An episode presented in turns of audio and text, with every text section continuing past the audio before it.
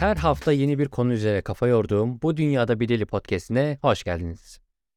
Yakın çevremin bildiği üzere sosyal medya kullanımımı oldukça kısıtlayan biriyim.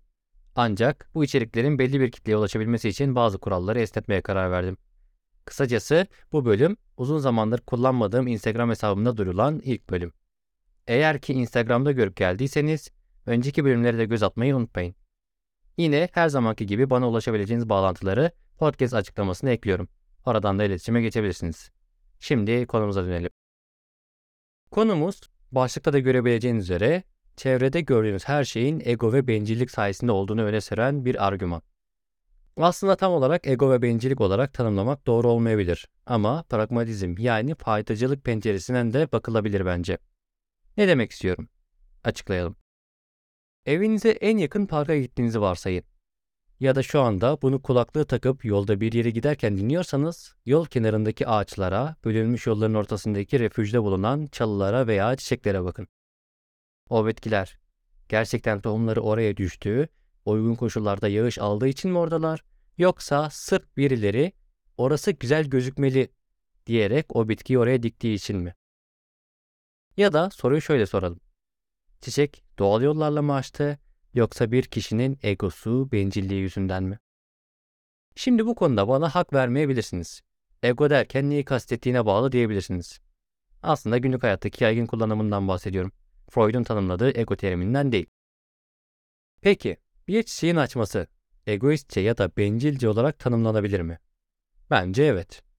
Çünkü biri çıkıp orada bir çiçek olsun dediği için yani o kişiye faydası olduğu için orada.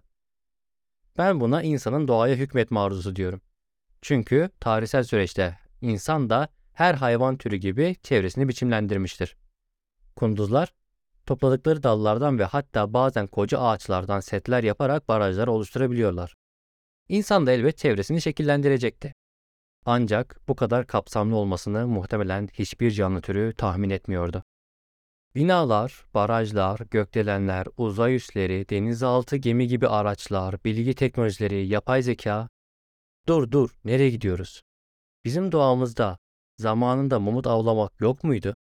Sonra buğday bizi evcilleştirdi ve yerleşik hayata geçmeye ikna etmedi mi? Şimdi aklınızdan buğday mı bizi evcilleştirdi diye soruyor olabilirsiniz. Evet, buğday bizi evcilleştirdi. Bununla ilgili önceki bölümlerde bahsettiğim Harari'nin Sapiens kitabını okuyabilir ya da açıklamada verdiğim YouTube linkine göz atabilirsiniz. Her neyse konumuza dönelim. İnsanın çevreye hükmetme arzusu tamamen bencilliği yüzünden demiştik. Kim zaman çevresel estetik algıları, kim zaman da henüz yaşanacak bir başka gezegen bulamamış olmasından kaynaklanıyor. Sizce yaşanabilecek birkaç gezegen alternatifimiz olsa ve oraya ulaşımımız kolay olsa bu dünyayı yaşanabilir halde tutmak için yapılan her türlü çaba bugünkü kadar yoğun olur muydu? Bugünkü kadar ağaçlandırma, deniz ve okyanus temizliği ve hatta uzay çöplerini temizleme çalışmaları aynı şekilde ilerler miydi? Bence hayır. Bu dünya bize yaşama ortamı sunduğu için ve sırf yaşamaya devam edebilmek için yapmıyor muyuz bu çalışmaları? Halbuki bu çöpleri oraya bırakanlar da sırf para kazanma uğruna fütursuzca üretime teşvik eden biz insanlar değil miyiz?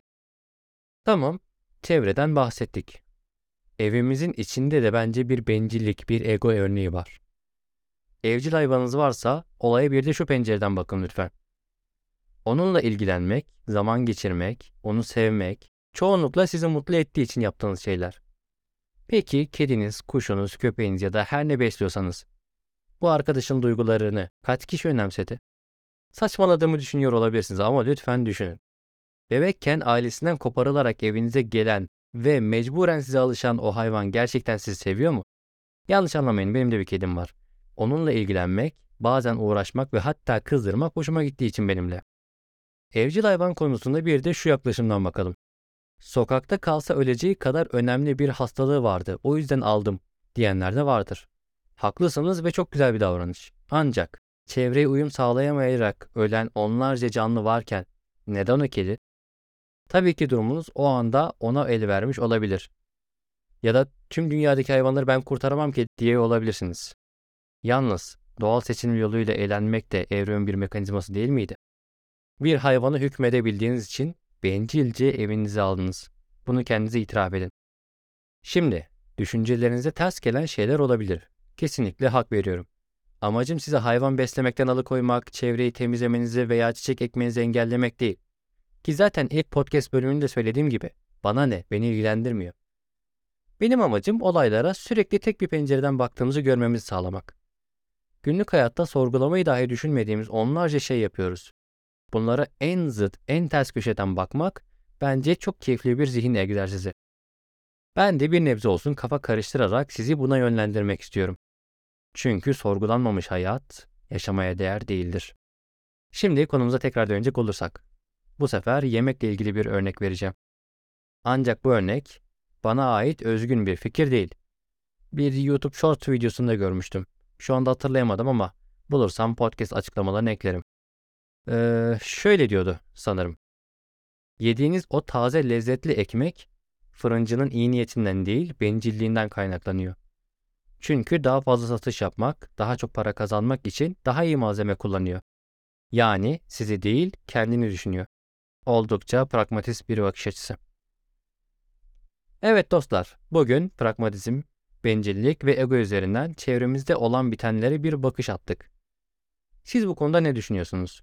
Gerçekten bu düşünce tarzını benimsemek mantıklı mı yoksa mantıksız mı?